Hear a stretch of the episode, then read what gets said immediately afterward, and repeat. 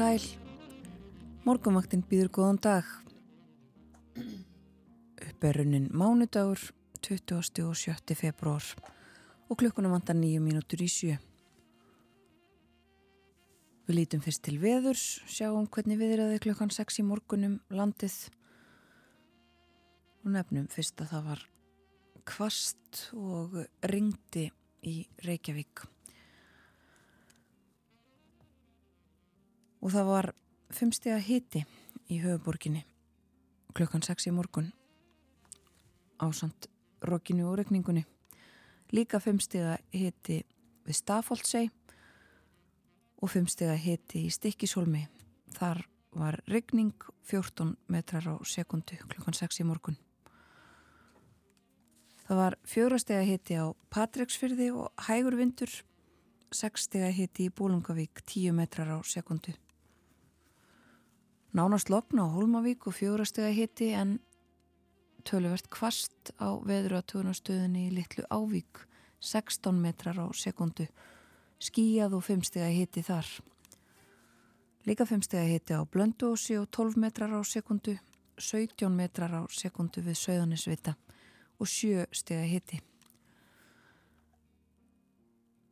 11 metrar á sekundu á Akureyri og 4 stega hiti, 4 stega hiti og hægur vindur á Húsavík. 3 stega hiti á Rauvarhöfn og sunnan 9 metrar, 5 stega hiti á Skjaldþingstöðum og 14 metrar á sekundu þar. Allskíjað og hægur vindur á Eilstöðum og 2 stega hiti og þá komum við að fyrstu frosttölunni, það var einstiks frost á höfni hotnaferði klukkan 6 norðaustan 2 metrar á sekundu þar. Aftur á móti 5 steg að hiti á kvískerjum og 10 metrar á sekundu einstiks hiti á kirkjubæjaklustri og næstum lokn Kvassast á kortinu á Stórhafðaði vestmannegjum 19 metrar á sekundu þar klukkan 6 og 6 steg að hiti fjórastega hitti í Árnesi og eh, kaldast á landinu klukkan 6 var eh, í veiðavatnarhaunni tveggjastega frost þar og sunnan 14 metrar á sekundu. Svona var veðrið klukkan 6 og þá er spurningin hvernig það verður. Dagurinn ber með sér sunnan 10 til 18 metra á sekundu talsverða rigningu með þeirri undantekningu að úrkom lítið verður norðaustanvert á landinu en það var lægja smám saman í dag og draga úr vætu en verður áfram rigning sunnan til og hiti á bílinu 2 til 8 stig. Og það verður væta viða um land í kvöld. Á morgun norðvestan og vestan 8 til 15 metrar á sekundu kvassara austast fram eftir morgunni og svo kemur annars konar ofankoma, slitta eða snjókoma með köplum og hiti um eða yfir frostmarki á morgun en kólunar síðdeis með jæljum allvíða. Já. Færðin. Það er vetrarfærð einmitt á vegum landsins víða og kvast eh, eins og við höfum farið yfir og við að gerðin nefnir það líka, það er kvast víða og flughálka að myndast á vestfjörðum og á Norðurlandi og viða er ófært eftir nóttina og unnið að hreinsun. Það er svo sérstaklega uh, tekið fram að það er greiðfært á helstu leiðum á Suðvesturlandi en hálka eða hálkublettir á nokkrum leiðum. Svo er ófært á Bröttubrekku, Holtaverðuheiði og Vatnaleið en unnið er að mokstri. Hálka eða hálkublettir eru víða á Vesturlandi en krapi á Svínadal. Og eins og nefnt var flughálka við á vestfjörðum, það á við á Þröskuldum, Innstrandavegi, Drangsnesvegi, Bjarnafjörðarhálsi, Ódrjúkshálsi, Kleifaheiði, Raknadalslíð, Mikladal, Háldán, Súðavíkulíð, Flatirarvegi og í Súðandaferði. Nú þá er þæfingur á Stengrinsfjörðarheiði hálka á flestum leiðum og ófært norður í Árnesrepp. Á Norðurlandi ófært á Öksnadalsheiði en unnið er að Mogstri og það er flughálka á Þverárfjallvegi og Ásavegi, þæfingur á Vaskarði en hálka og hálkublettir á flestum leiðum. aðrar tilkynningar hafa ekki borist enn frá vegagerðinni en við fylgjumst áfram með og uppværum. Svona eru aðstæður í landinu í dag og við það að bæta að það er gert ráð fyrir því að það geti dreyið til tíðenda á Reykjanesi síðar í þessari viku ef að kvika heldur áfram að sapnast í gangin við sundnúkskígaröðuna eins og verið hefur að þá eru aukna líkur á eldgósi í vikunni. Og uh, það er ímislegt á dagskrá morgunvaktarinnar í dag. Förum nánar yfir dagskrána hér eftir morgunfréttinnar sem koma klukkan sjö. En uh, við ræðum meðal annars aðeins um Reykjanesið. Veltum fyrir okkur örnefnum þar sem mikið hafa verið til umræðu undarfarna mánuði. En við ætlum líka að leika svolítið á tónlist og uh, heyrum fyrsta lag þáttarins. Það eiga bílarnir, kemur af plötunu Rubber Soul frá árunni 1965 og uh, lagið heitir Girl. Is there anybody going to listen to my story? All about the girl who came to stay. She's the kind of girl you want so much it makes you sorry. Still, you don't regret a single day. Ah, girl.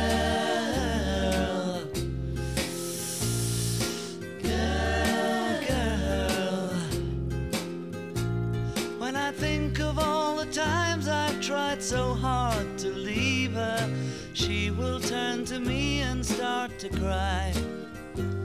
And she promises the earth to me, and I believe her. After all this time,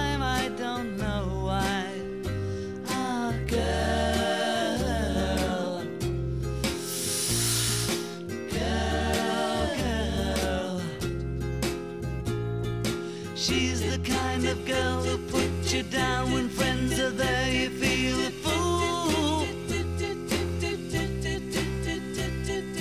When you say she's looking good, she acts as if it's understood. She's cool. Ooh, ooh, ooh, girl. Girl, girl. Was she told when she was young understand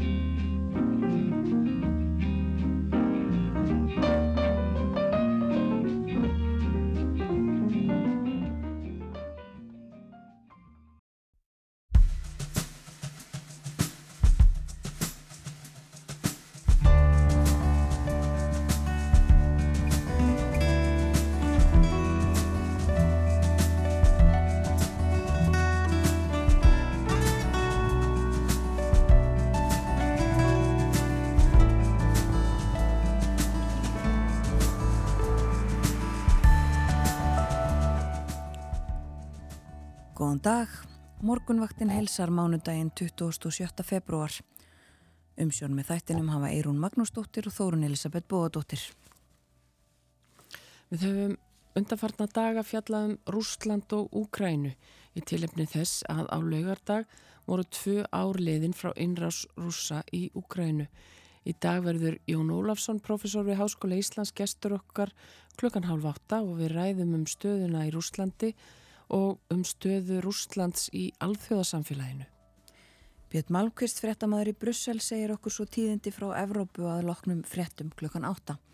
Við ræðum um stöðuna Gagvart Úkrænu, áhrifin sem innrásin þar hefur haft á bæði varnarmál Evrópusambandsins og Allandsafsbandalagsins en allt bendir til þess að svíjar verði samþyktir inn í bandalagið síðar í dag þegar að Þing Ungverja tekur aðeldar umsókn þeirra fyrir síðast allra ríkja.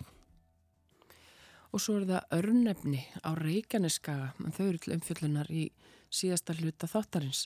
Cecilia G. Guðmundsdóttir hófa skrásetja örnefni í Vasslesusstrandarreppi sem nú er sveitarfélagið Vogar fyrir meira en fjórum áratugum en hluti þeirra örnefna sem eru í hennar skráningu sem komið út á bók hafa hlotið landsfræð eftir að jörð tók að hristast á Reykjanesi.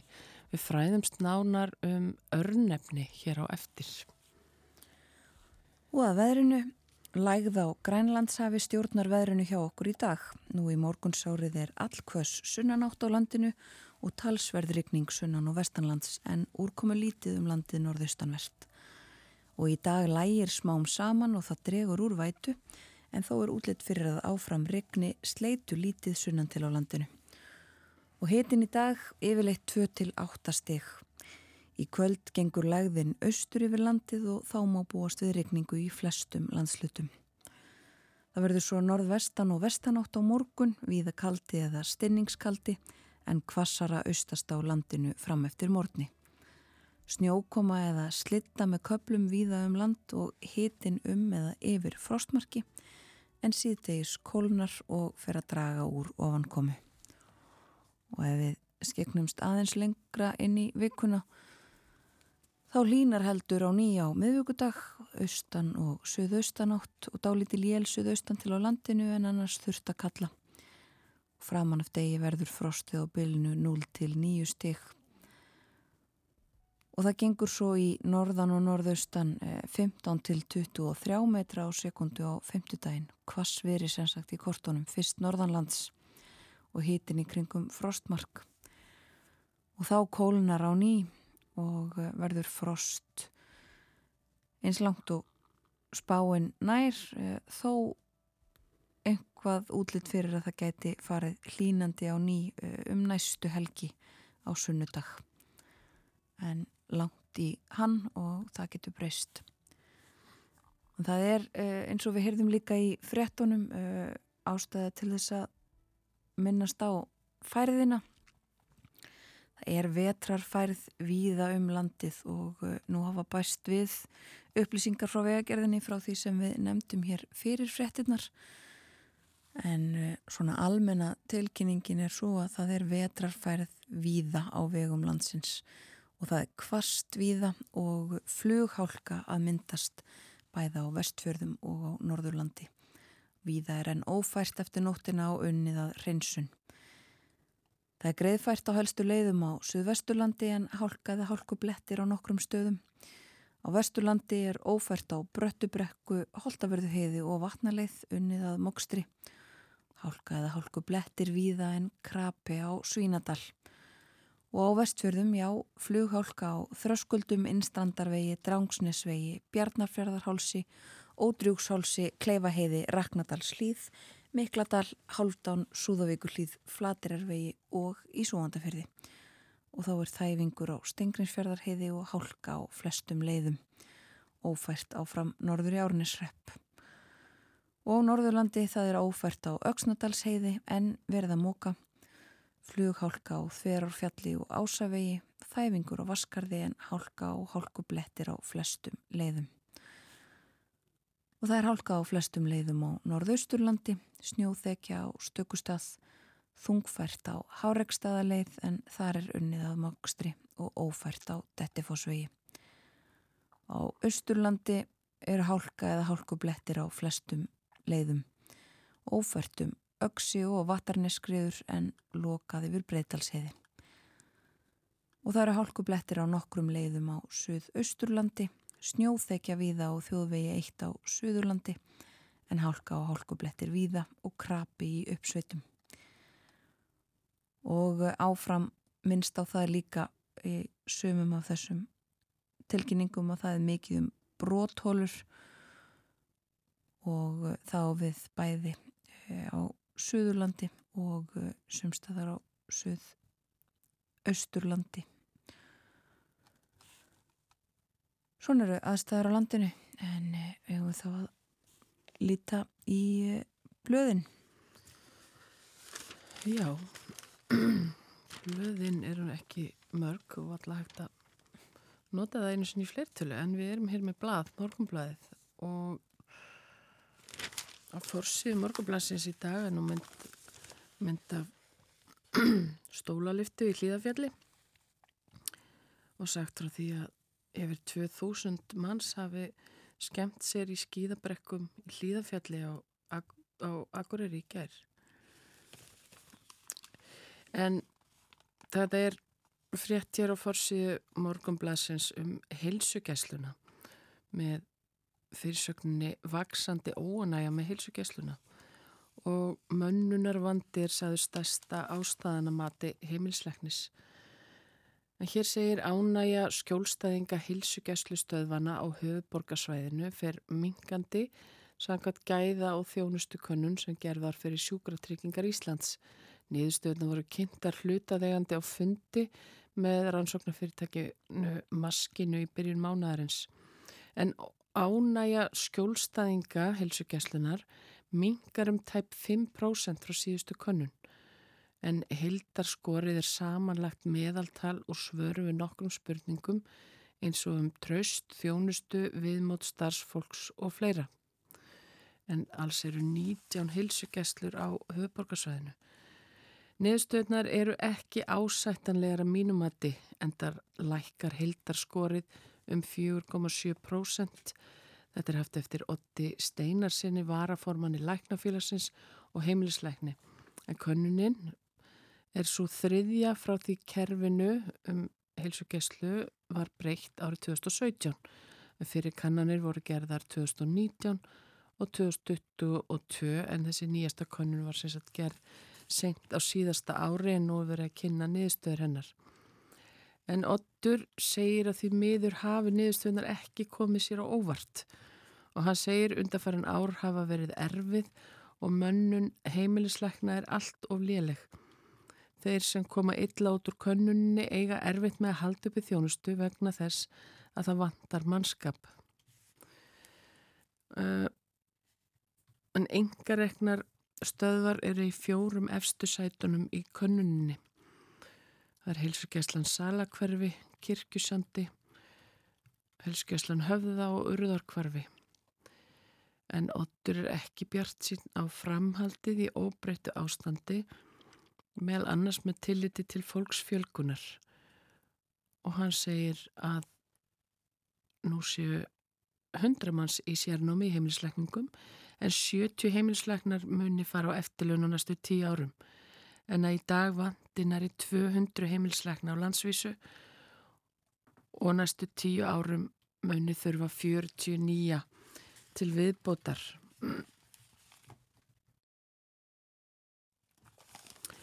En það er líka sagt frá því á forsíu morgunblassins að Þorvaldur Örliksson var kjörin nýr formar KSI um helgina.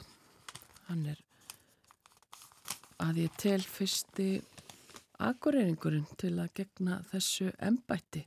En það voru þrýr í frambóði og Þorvaldur hafði betur gegn vigni þormóðsynni í annari umferð kostningana en í þeirri fyrstu þá var Guðni Bergson einni í kjöri en síðan var kosið á milli Vignis og Þorvaldar og Þorvaldur hafði betur með nokkrum atkvæðum nokkrum atkvæðum fleiri en, en Vignir en það er líka sagt frá því að strákanir okkar það er að segja Karlalandsli Íslands í Körvuknalleg var alveg ótrúlega nálagt því að sigra Tyrki en Tyrkir unni með einu stí á flautukörfu í Ístanbul í gerð. Það var sorglegur endir en alveg mögnu framist að hjá Körlugnaldnegs landsliðin okkar. Já, og uh, í öðrum fréttum einmitt af e, íþrótta landsliðanum okkar þá, þá gerði e, íslenska kvennalandsliði í fókbalta jafntefli við Serbíu í fyrirleik liðana í umspili þjóðatildar UEFA e, fyrir helgi og setni leikurinn fer fram á Kópavóksvelli á morgun klukkan 14.30 KSI hvetur fólk til að fjölmina á leikin og stiðja stelpunar til sigurs í þessum mikilvaga leik. En uh, við skulum líta á fleiri fréttir eftir stuttastund, uh, heyrum fyrst eitt lag. Þetta er mánudagslag, enda mánudagur í dag, Monday Monday, Mamma sem Pappas. Monday,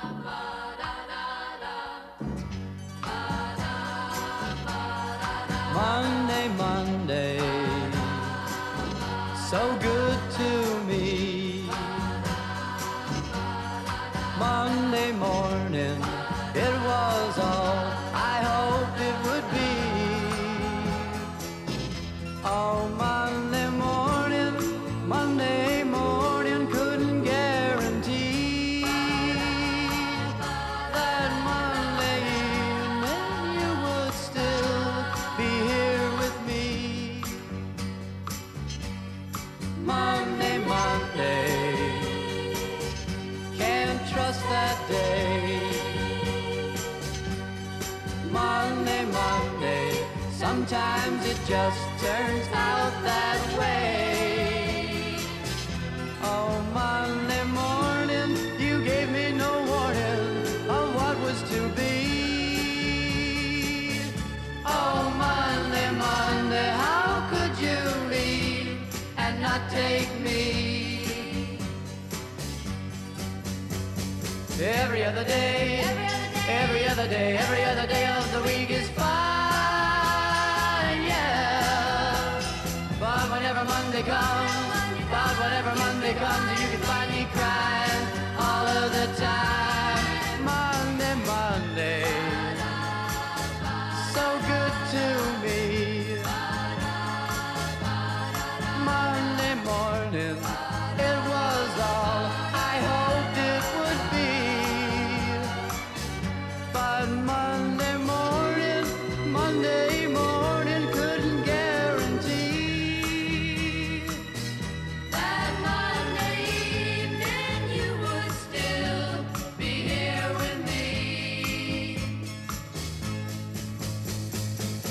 The day.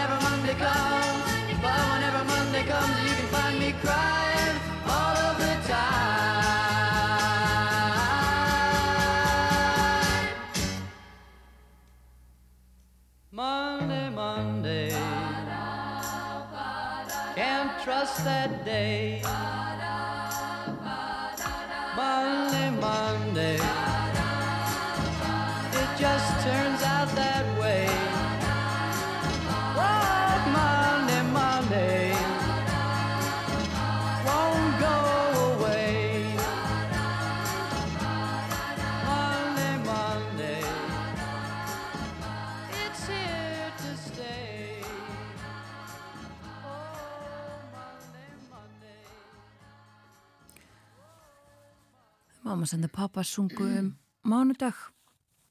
Við heyrum kannski annað lag með þeim eftir stuttastund en lítum í blöð utan úr heimi og uh, byrjum í Danmörku í dag. Það er uh, talað um um gagnabanka á netinu á fórsíðun á politíkan í Danmörku í dag. Það er að segja gagnabankan uh, My Heritage þar sem að fólk getur deilt uh, erðaupplýsingum sínum, DNA og uh, í fyrirsögninni fjallaðum fólk, par sem að fann uh, ég fann barnabart sem að þau vissi ekki að þau ættu á þessari síðu og það eðlimálsins samkvæmt hafiði ímsar afleðingar í förmið sér fyrir fjölskyldun og fjölskyldu dýnamíkina eins og sagt er í fyrirsögninni. Og uh, rættum það að uh, rétturinn til uh, já, engalífs sé í óvissu þegar að allir geti deilt upplýsingum eins og þessum á netinu án, án þess að hafa í huga rétt annara til engalífs og það sé kannski eitthvað sem að fólk þurfi að venjast að slíkt sé bara heyri til fortíðar. Og áhugaverðar vangaveltur um þessi mál. En uh, á fórsíðun og informasjón í Danmörku er uh, rætt um það hvenar verði hægt og skinsamlegt að tala um möguleikan á vopnallíi í Úkrænu uh, mynd af výgvallinum og sagt að fjallað um möguleika Úkrænu á því að hafa betur gegn rúsum og uh, möguleika ná já, vopnallíi og fríðar viðræðum og ímislegt uh, fleira í frettunum uh, frá Úkrænu og Rúslandi og uh, Volodymyr Selenski Úkrænu fórseti hefur nú sagt frá því að, að það hafi 31.000 hermenn látist í þessum átökum síðastliðin tvö ár. Þetta er í fyrsta sinn sem að hann uh, veitir þessar upplýsingar um uh, uh, fjöldan og hann hefur líka tjáð sig um það og sagt að um, rússar séu að undibúa sókn í vor eða sumar og hann heldur áfram að þrýsta á Evrópu og uh, bandaríkin að, að styðja betur við ukrainska herin en evrópskir leðtóar munu hittast í París í dag og, og ræða þessi mál senda frá sér skilabóð þetta er svo kallaður vinnufundur um, og var bóðaður með skömmum fyrirvara vegna þess sem að uh, ráðgjafar Emmanuels Macron Fraklandsfórsetta segja að sé uh, stigmögnun í, í uh, aðgerðum rúsa og þánga munu koma Ólaf Sjóls kanslari Þískalands, David Cameron auðvitaðriksráð þeirra Breitlands og fórsættisráð þeirra starfandi en fórsættisráð þeirra Hollands Mark Rúti og sömuleiðis leðtóar frá eh, Skandinavíu og Ístrasaldsríkjunum. Þetta segir í frétt hér á eh, breska, vefnum, eh, breska blaðinu Guardian. En við ræðum um málefni Úkrænu og Rúslands hér á eftir með okkur verður Jón Ólásson, profesor við Háskóla Íslands. Við ætlum að tala um Rúsland og svo munum við tala svolítið einmitt um vartanmálinn og Evrópu við Björn Malmqvist frettamann í Brussel. En uh, aftur aðeins að erlendum frettum uh, eh, og þessu tengt, um, það er fjallið um það á forsýðunni á, á Sönska dagbladetti í Svíþjóð að varnarmál og uh, þáttaka í þeim sé eða hilli reynlega fleiri og fleira ungt fólk og fólk almennt. Um, stríðið í Úkrænu hafi gert fólk áhuga samara um sjálfbúðaliða störf í varnarmálum. Um, og á sömu fórsíðu er líka fjallaðum mál sem að við uh, konum stuð og umræðu hér á Íslandi um það að uh, þrátt fyrir reglugerðir til að reyna að uh, stemma stegu við uh, aukinni nótkun á, á uh, myndtóbaki eða svona nikotínpúðum að þá uh, aukist það sérstaklega meðal ungsfólks og e, fólks bara undir lögaldri. Og þetta sé á ekki öfni við þekkjum þessa umræðu hérðan frá e, Íslandi. En ímislegt e, fleira í erlendum fréttum fjallaðum bandarísk stjórnmál á fórsýðum bandarísku bladana meðal annars sitt hvað í fréttum þaðan áfram halda uh, forkostningar fyrir fórsettakostningarna sem verða í nóvambur og ímislegt uh, uh, annað að, að gerast. En líka auðvitað fjallaðum stöðuna fyrir botni miðurhafs og það sem að þar á sér stað. Við segjum þetta gott þó af erlendum frettum í byli og uh, ég vil ekki að heyra eitt annað lag með Mamma Sende Papas þetta lag sem er þekktara í upprunalegum flutningi með uh, Temptations en uh, samkvæmt uh, internetinu þá hafa yfir hundrað aðrir tónlistamenn tekið upp sínar útgafur af því og hér kemur einn með Mamma Senda Pappas. Þetta er lægið My Girl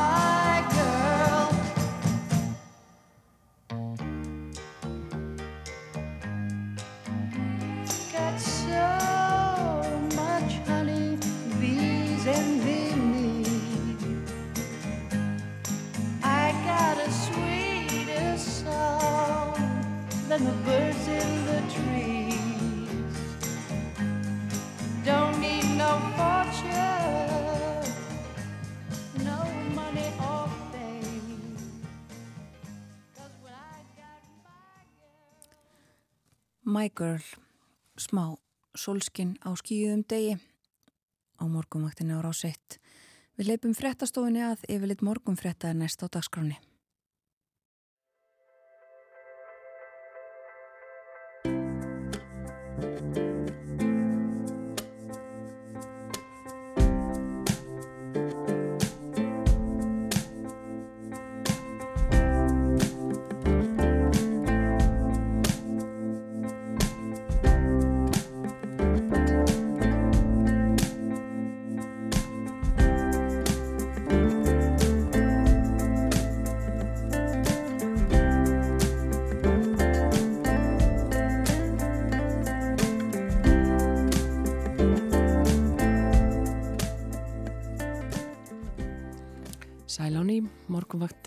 Heldur áfram þennan mándagsmorgun.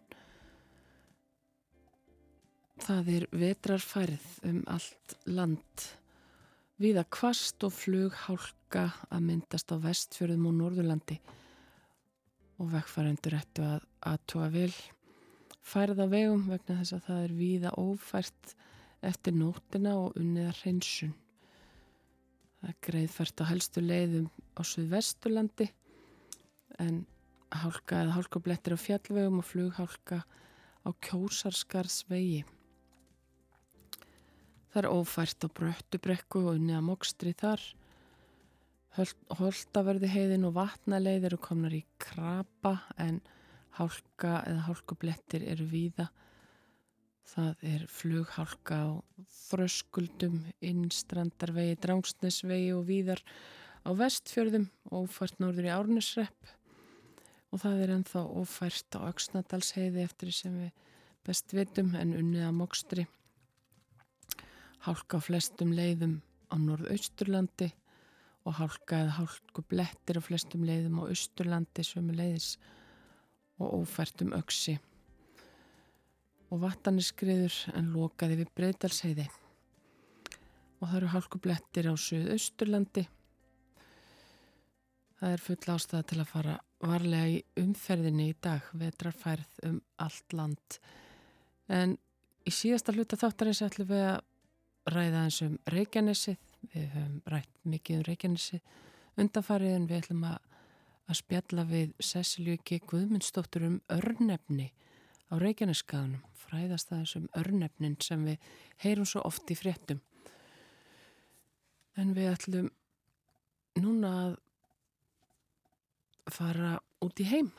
Já, við höfum undarfarnar daga fjallað um málefni Úkrænu og uh, Rúslands og uh, tilefnið auðvitað það að á lögadag voru tvö ár liðin frá innrás rúsa í Úkrænu og uh, með okkur Núna er Jón Ólásson, professor við Háskóla Íslands og sérfræðingur í málefnum Rúslands.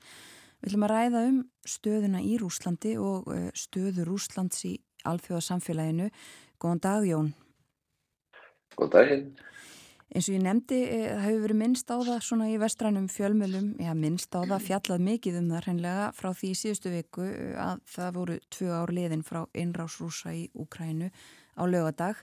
Um, Hvernig hefur þessu verið háttað í rúsneskum fjölmjölum eða rúsneskri umræðu? Hefur verið fjallað um þessi tímamút eitthvað eða, eh, eða er þess bara ekki minnst? Eh, ég hef nú kannski ekki fulla yfirsýn yfir, yfir fjölmjölana í Rúslandi en svona eftir því sem mér hefur sínst þá hefur nú ekkit verið talað mikið um þetta, þetta sem tímamót eða minnst á það að það séu mitt tvö ár liðin eh, eða hafi verið á lögadaginn. Uh, maður sér hins vegar bara að það er svona verið að, hvað maður segja, herða mælskulistina daldið. Uh, það var reyndar, uh, var Gerasimov, yfirmaður Úkrænu aðgerðarinnar eins og hann heitir í Rúslandi, var, og, og reyndar aðsti maður rúsneska herrabans, hann var í, var í Úkrænu um helgina, en ég held að hann tengi það nú ekki endilega við, við það tvö ár séu liðin frá innrásinni. Nei, einmitt. Um, meira eins og segir að því að þetta er þetta ennþá kölluð hvað sérstu karnar aðgerð eða úkrænu aðgerð í Rúslandi það er enn ekki talað um að þetta sé stríðið eða innrás Nei, en það hefur að vísu breyst að, að sko, er lengur, stríð er ekki lengur bannorð og, og það eru þetta margir sem að nota það orð þegar þið tala um, um, um stríðin þannig að það eru, það eru svona, svona ákveðin bannsvæði, það má þetta ekki tala um innrás eða annað slíkt en En, en auðvitað með þess að Putin sjálfur hefur, hefur talað um þetta sem að, að Rúsland eigi stríði. En þá náttúrulega eiga menn við að Rúsland eigi fyrst og fremst í stríði við Vesturland.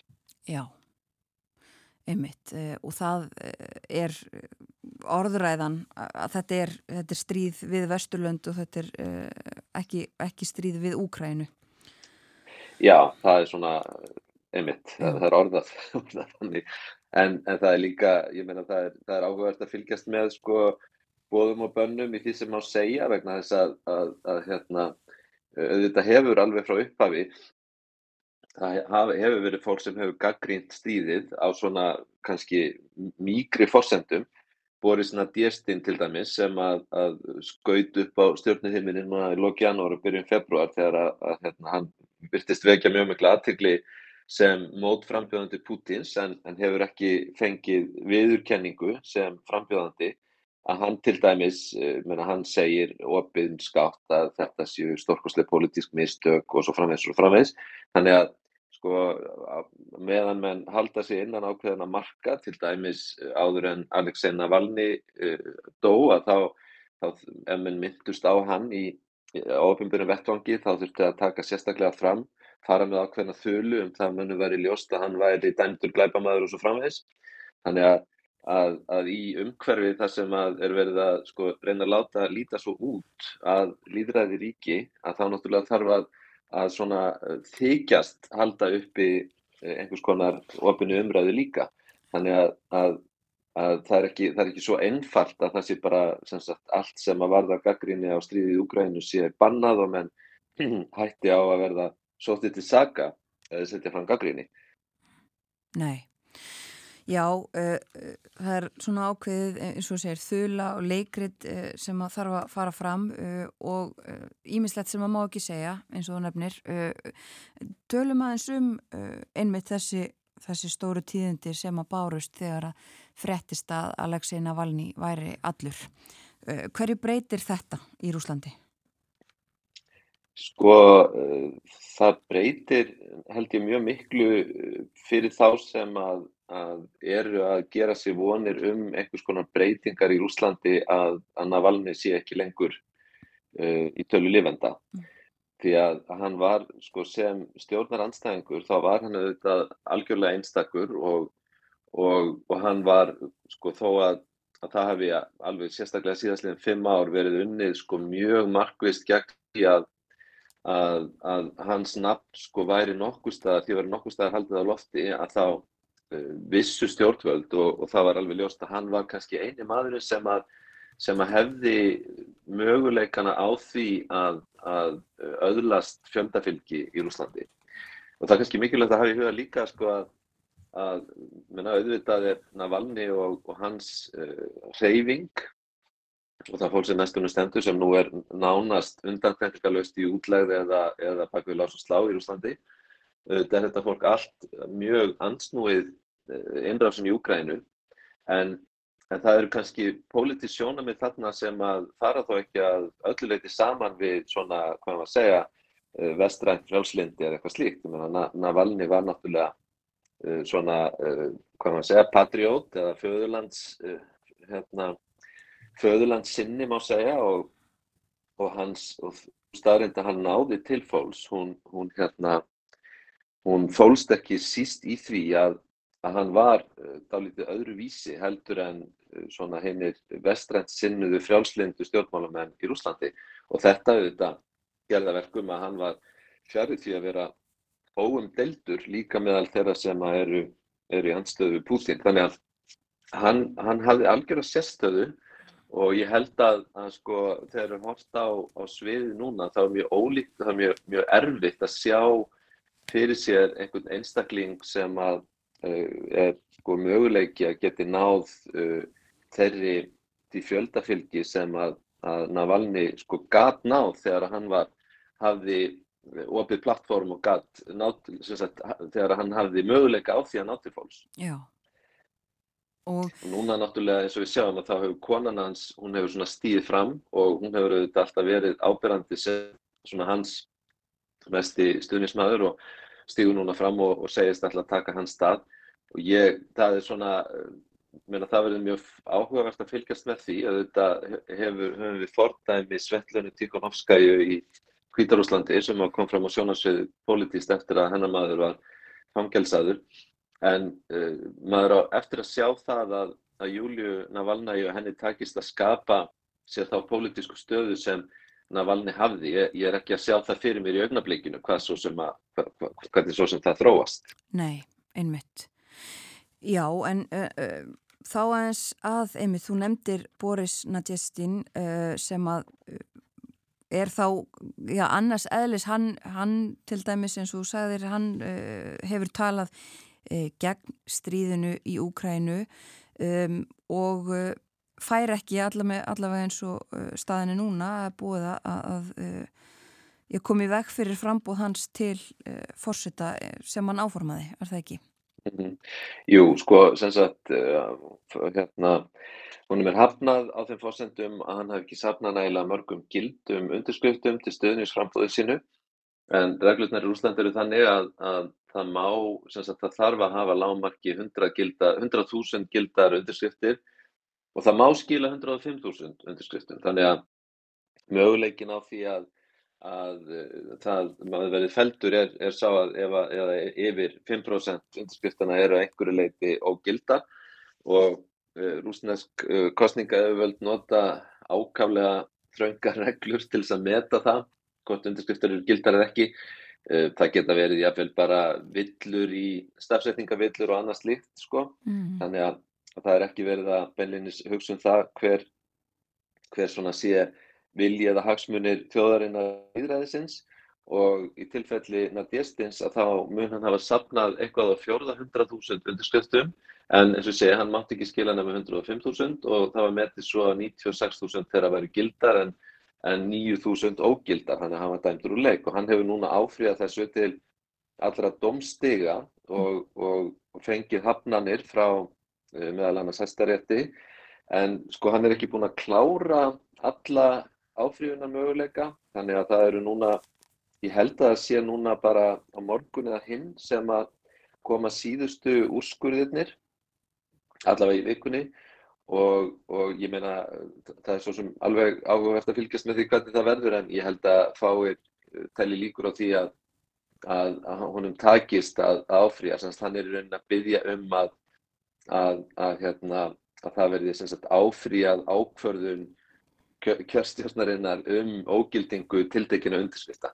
Þannig að þetta er orðið svona mjög tæknilegt en ég held að sko það maður horfið bara á það að að í Rúslandi er það vilji kremlarstjórnarinnar sem fyrst og fremst ræður úslitum í öllum málum að þá held ég að, að það sé mjög ólíklegt að eitthvað annað heldur en höfnun komi út úr hans áfríðanatilunum. En, en það er áhugast að fylgjast með honum og Nadjestin er, uh, já, ég menna hann, hann er ólíklegur uh, frambjóðandi. Þetta er maður sem hefur verið tengdur pólitíkin í Rúslandi alveg frá því snemma á tíundarartöknum og í rauninni allan uh, tíman og meðan Jeltsin var fórseti að þá var hann, vann hann með svona þeim frjálfstendustu, sérstaklega Boris Nemtsov en líka Sergei Kirienko sem hefur síðar orðið einn af líkil ennbættismönnum Pútins og hann hefur, hann hefur aldrei í rauninni sett sig í andstöðu við stjórnvöld Benlínis, hann hefur alltaf verið tengdur, hvað maður segja, líðræðis og frjálfstendis öflunum en hann hefur líka unnið með eh, stjórnvöldum og tekið að sér trúnaðar störf fyrir Putin og fyrir stjórnvöld. En uh, hins vegar hefur hann ekki leið á þeirri skoðun sinni síðan innan sem hann gerði að hún sé mistök. Og hann hefur sko svona í vestrannum fjölmiðlum þá hefur hún verið líst sem svona þessum plat frjálslindismanni þar að segja. Það er svona eins og þegar að sjóanstöðunar í sínum hérna, þáttum sko, tala við einhvern sem að þykist vera á móti einhverju og kemur með uh, veik rauk til að, að, að mótmæla stríðsvexturinn og eitthvað slíkt. Hann hefur aldrei verið, verið dæmdur þannig. Ég held uh, það sé ósangjart dómur og ég held að við sjáum það kannski núna. Uh, þetta er maður rúmlega 60 og hann segir, akkur er ég að þessu, og hann segir einfallega reynd út, ég, ég er að þessu ég hef átt, átt áhugaverðan feril sem ég sé ekki eftir og ég hef engu að tapa. Og hann segir í rauninni að hann sé tilbúin til að taka þeim afleiðingum sem þetta frambúðans kann að hafa og, og ég held að við ættum að fylgjast með því vegna þess að eitt af því sem að hefur að sjálfsögðu gæst um leið og, og verður að reyna að dæma hann úr leik er að, að, að það er settast að rannsókn á fjármálum frambóðs hans og ekki þætti manni nú ólíklegt þó að rúsneskum yfirvöldum takist að finna einhverjar misgerðir í því hvernig hafi verið farið með styrtarfið, uh, hvort það hefur verið gert rétt og svo framvegis og, og þá er hann auðvitað flektur í áralöng málaferli uh, dó, dómsmál og svo framvegis. Þannig að ég held að varðandi um Boris Nadjestina þá held ég að sé alveg, eða sérst ég myndi telli það nánast útilokað að hann, hann verði í frambóði uh, en, en tölverða líkur á því að hann eigi eftir að, að, hérna, sæta afleiðingum frambóðsins uh, með einhvers konar ákjærum. Já, já og það eru það eru þessar kostningar í næsta mánuði áformaðar, þær eru auðvitað ekki beint spennandi, við, við vitum að, að Putin kemur til með að vinna þær, en, en er eitthvað fleira samt svona spennandi eða, eða verðt að fylgjast með í tengslum við þessar kostningar, annað en þetta? Já, uh, ég sá nú um helgina uh, vísað í skoðanakönnun, ég er ekki alveg klárað í hversu áriðanlega hún var, það sem hafa sagt að að í, sagt, í svona reglubundinni könnun einnar af stóru, stóru stofnunana sem að, að, hérna, að halda úti reglum könnum og þá hafi, þá hafi 1% þeirra sem svöruðu talið uh, að kostningarnar væru mikilvægur pólitískur atbyrður. Þannig að ef að það er, er niðurstað sem er eitthvað að marka þá við sjáum nú hugs til kostningarna. Þetta, það er ekki lítið svo að þetta skiptir máli og Þetta eru, uh, þetta eru próforma kostningar um, og það eru þetta, ég meina, það snýst ekki bara um, um útilokkum sko, á fólk eins og, og Boris Nadjestin heldur í rauninni eh, bara þá staðir þetta að Putin, hann, hann, hann sagt, það, er ekki, það er ekki inn í myndinni að, að neinn svona, neitt debatt fari fram að sjálfsögðu. Og eh, sko það er voðalega erfitt að, að kannski meta raunverulegar vinsældir Pútins um, e, þegar maður horfir á svona kostningar að þá er kannski þáttakan skiptir máli, eru margir sem að skila auðu og annað slíkt en, en sko það er, það er mjög mikil svona herrferð í gangi að láta fólk kjósa, það er hægt að kjósa rafrænt og það er langur tími sem fólk hefur til þess að gera það. Þannig að, að sko held nú að, að ef maður vil uh, horfa á, reyna að sjá eitthvað áhugavert við þetta, þá er það fyrst og fremst hvernig takist að, að halda utanum framkvæmdina, sjá til þess að, að verði uh, hérna, mikil kjörsók, Putin þarf að fá, já hann þarf helst að fá yfir 70% atkvæða og, og svo framvegis. En, en sko, ég meina, það er, það er í rauninni þá þá, þá held ég að það sé ólíklegt að, að, að yfirvöldum mistakist að halda utanum þetta þannig að það verði hægt að ráða eitthvað af kostningunum um það til dæmis hvernig fólki sko er raunverulega, finnst raunverulega að, að hérna, staðamála sé í landinu eða hverjar, hver stöðningur við Pútin er í, í raun og veru. Einmitt. Já og þetta er langu tími eins og nefndir og, og uh, fólk held ég farað að geta kosið þó þetta sé ekki fyrir um meðan mars uh, og það eru kostningar uh, í þeim hlutum Úkrænu sem að rúsar hafa náðu svitt vald líka, er það ekki? Mm -hmm. Jú, öllu því sem að, að hérna, telst, telst heyra undir Úsland sem að eru, þó að, þó að hérna, þessi nú ekki alveg ljóst hver nákvæmlega landamæri ríkisins eru samkvæmt Putin að þá er eru þessi fjögur hér teljast þau vera hlutir Úslands í dag. Já, en uh, þú ert búin að lýsa þessu svo litið, uh, en, en sko stríðið sem að eins og við höfum komið inn á rúsnesk stjórnvöld kalla en þá bara sérstaka aðgerð, uh, hefur það haft mikil áhrif á rúsnesk samfélag? Hefur margt breyst vegna stríðsins í Rúslandi? Já, það, það, það er aldrei flókin spurning kannski. Mm. Um, það sem að, uh, ég meina það annars, að því annars vegar hefur maður þetta yfirborð uh, fjölmiðlana og umræðunar sem að gengur auðvitað öll út af það að, að, að rús, rúsneska þjóðin hafi sínt samstöðu og stórkostlegan hetjuskap í þessum, hérna, uh, þessum raunum í stríði og, og stríði gangast Vesturlandum og svo framvegs og því andstrým strefnist það fylgir. En spurningin er auðvitað hvað sé að gerast í raun og veru og og sko þegar að hort er svona yfirborðslega á hagtölur og annað slíkt að þá, þá virðist vera mikill vöxtur í Rúslandi eh, það virðist allt ganga vel. En á hinbóin að þá, þá eru mörg teikn á lofti um það að, að uh, þetta sé tíma, tímabundin uh, staða. Og staðrindin er auðvitað svo að að Rúsland er að setja alla sína resursa sem orðið komast í þetta stríð. Um, á meðan stríðið er í gangi þá er ekki verið að byggja upp uh, innviði, skólakerfi, uh, gera nöðsynlega breytingar í atvinnulífi og svo framvegis. Það er umgöngu verið að einblýna á hernaðar herriðnaðinn og það sem honum fylgir og, og, og það þýðir auðvitað að, að, að eðsla ríkisins er að fara í þessa átt og ég held við séum alveg að sjá sko uh, einhverjar afleðingar þess nú þegar. Svo eru líka um, þvingunar aðgerðir Vesturlanda sem hafa kannski haft talsvist minni áhrif en, en talið var mm. og rúsum hefur gengið ótrúlega vel að komast fram hjá þeim, nýta sér uh, aðrar leiðir til þess að afla sér þess sem að þeir þurfa að fá uh, af vestrænum teknibúnaði til dæmis og annað slikt. En þetta eru,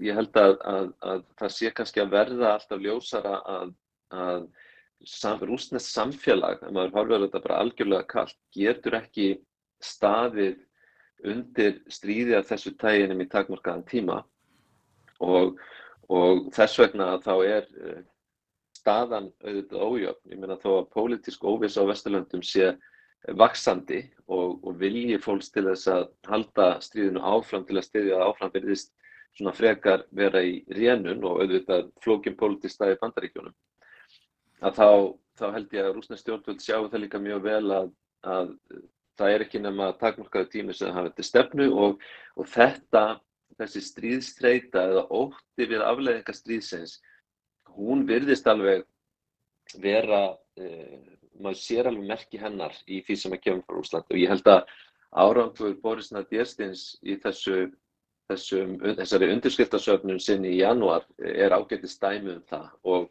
það eru þetta líka gerðarskoðanakannanir innan Úslands. Ég menna, uh, það, sko, það eru skoðanakannanir sem að sína, sína að, að um 60%, uh, kringum 60% rúsa virðast vilja uh, ljúka stríðinu sem allra fyrst. Auðvitað er það kannski svona augljós spurning, hver vil, ekki, hver vil það ekki, en það þýðir að, að, að hugmyndin um að öll hérna, rúsneskur almenningur styðji stjórnvöld heilsugar í því að, að halda stríðuna áfram eins lengi og þarf eins og Putin orðar það. Hann er kannski ekki til staðar og, og, og, og þegar að því kemur að, að fólk er kannski að taka meira eftir því að laun er ekki að hækka, það er engin framþróun að verða í samfélaginu, við erum ekki að sjá kannski beinleins vöru skvart eða annað slíkt en auðvitað getur takjast líka.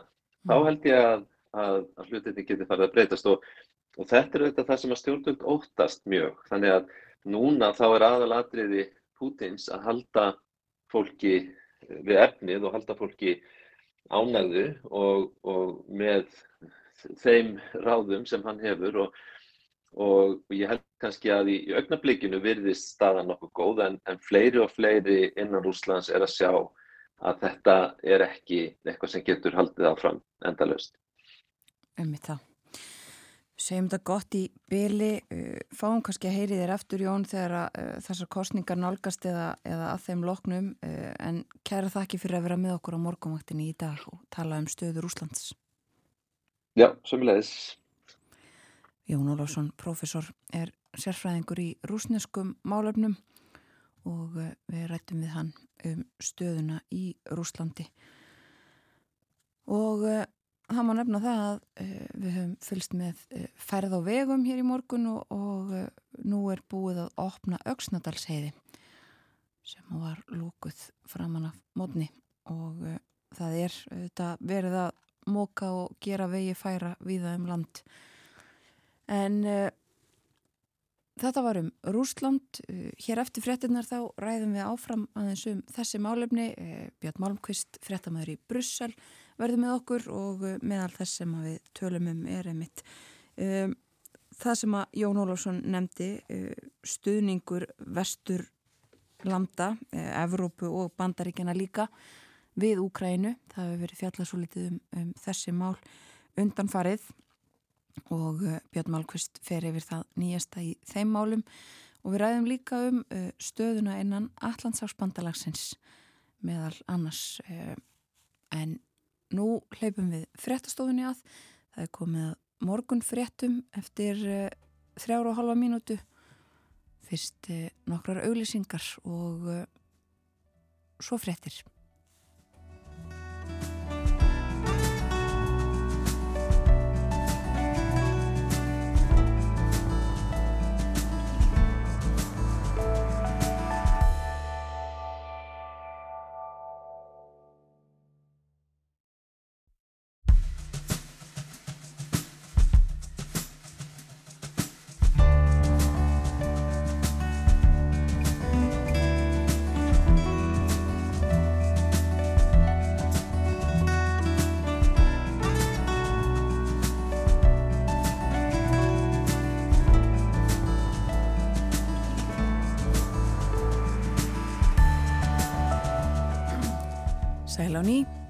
áfram heldur morgunvaktin á rás 1. Klukkan er tæpar 6 minútur gengin í nýju og það er mánudagur í dag, komin 20. og 7. februar. Síðasta vika í februar. Framundan mars tekur við á förstu dag og það er líka komin góa fyrir þau sem að fylgjast með því. Við minnum á að í síðasta hlutu þáttarins þá ætlum við að ræða um Reykjanesið eh, ræðum um uh, örnefni þar við Cecilju G. Guðmundsdóttur. Hún uh, hefur skoðað og uh, skráð örnefni þar í langan tíma og við forvittnistum þetta. Það eru ímus örnefni sem við erum farin að ræða um reglulega, ímsir staðir þar sem að fyrir nokkrum árum eða jáfnveil bara nokkrum mánuðum fólk hafði ekki hugmyndum að væri þarna. En uh, nú erum við komin í samband við Björn Malmqvist, frettamann uh, Ríkisútursins í Brussel. Góðan dag og heil og sæl Björn. Góðan daginn, góðan daginn. Við rættum hérna áðan uh, við Jón Ólafsson, professor og sérfræðing í málöfnum Rúslands. Hjaldum áfram umfjöllunum okkar um, um Rúsland og Úkrænu. Tilöfnum við auðvitað þetta að það eru tvö ár liðin frá innrásinni í Úkrænu og uh, það kom einmislegt fram í þessu viðtali við Jón, við rættum meðal annars örstuðt um uh, já, stuðning vestrætna ríkja. Og uh, það er þannig núna vestrætni leðtóðar svona keppast um að lýsi yfir fullum og varanlegum stuðningi við Úgrænu, nefndum líka á þann hér fundin í, í París í dag þar sem að Emmanuel Macron hefur uh, bóðað þjóðarleðtóa til sín að þá er enga síður aukin óvisa um þennan stuðning og það er kannski sérstaklega frá bandaríkjónum þaðan sem að stór hluti af hernaðaraðstóð við Úkrænu hefur komið. Uh, hvaða áhrif hefur þetta haft í Evrópu? Já sko þessi træða bandaríkjaþingi hefur auðvitað valdið talsverðum áhugjum í Evrópu og náttúrulega ástæðan er að sjálfsögðu að bandaríkin eru í líkil hlutverki þegar kemur að hernaðalegum stuðningi við Úkrænu. Það eru auðvitað mikilvægt að veita fyrir í langtímastöðningi eins og Evropasambandið gerði nýlega með pakka upp á 10 miljardar, það var ákveðið að leittóafundi hérna í Brussel í, desember. En það er náttúrulega skamtímastöðningurinn við ukrainska herin sem að skipti máli á, á, á, výlínunni í Ukrænu.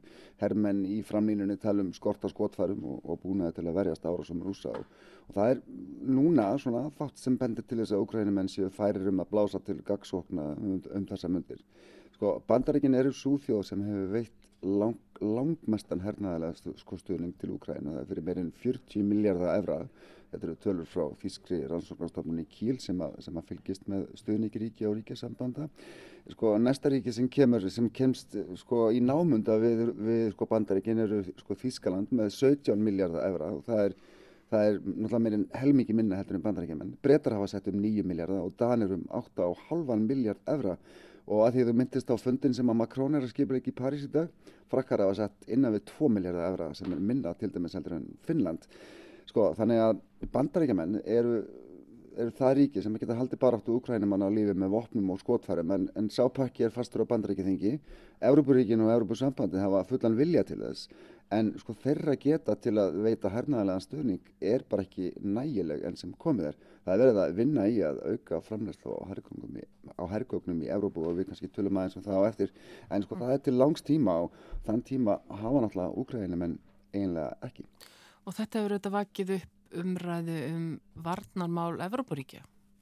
Já, sjálfsögðu, uh, sem hefur svo sem alltaf verið í gangi en, en kannski líka nýleg sko, umælið sko, Donald Trump sem að geta afturöðu fósiti bandaríkjana í hann ára næsta ári þar sem hann dróði í efa skuldbindingu bandaríkjana um að koma aðeldaríkjum NATO til varnar á grundvelli sáttmála bandalagsins, er hann svona bætti heldur ekki úr skák og þetta varði þetta til þess að umræðanum sjálfstæðu sammeili varnamál Európaríkjana, hún fór svona svolítið á flug en, en þótt hún hafi í rauninni verið til staðar í mörg ár til dæmis innan Európusambandsins og hjá frökkum sem við vorum að tala um aðan.